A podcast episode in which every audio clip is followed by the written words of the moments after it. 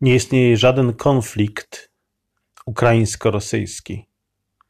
Nie istnieje żadne napięcie ukraińsko-rosyjskie. Nie istnieje złe słowo Ukraińca wypowiedziane przeciwko Rosjaninowi, ani złe słowo Rosjanino wypowiedziane przeciwko Ukraińcowi. To, z czym mamy do czynienia, to jest po prostu bandycka napaść jednego kraju na drugi. Jest to jednostronna agresja zgorzkniałego bandyty, można powiedzieć, kraju, który jest terrorystą.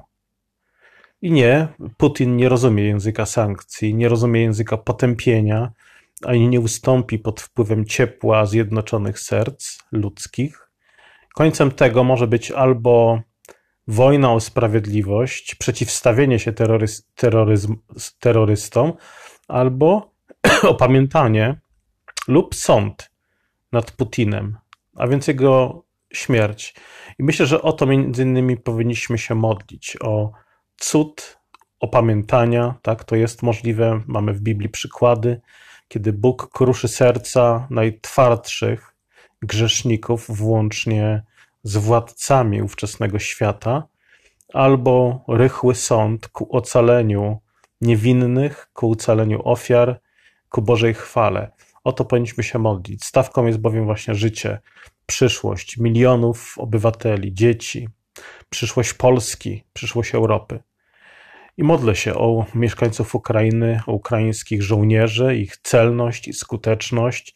Modlę się o wierność i odwagę kościołów w służbie ludziom, o roztropność i mądrość dla przywódców tego kraju. Boże Słowo mówi: Gdy sprawiedliwym dobrze się powodzi, miasto się raduje, a gdy giną nieprawi, panuje wesele. Księga Przysłów 11:10. Kiedy sprawiedliwym dobrze się powodzi, miasto się raduje, a gdy giną nieprawi, panuje wesele. I o to powinniśmy się również modlić, o triumf sprawiedliwości, o pokój na Ukrainie, ale nie pokój za wszelką cenę, nie pokój y, na warunkach bandyty, ale pokój sprawiedliwy. I to jest powód do radości. Kiedy giną nieprawi, panuje wesele. Księga Przysłów 21:15. Sprawiedliwy raduje się, gdy wymierza się sprawiedliwość lecz na złoczyńców pada strach. O to powinniśmy się modlić, o to zabiegać. Sprawiedliwy raduje się, gdy wymierza się sprawiedliwość.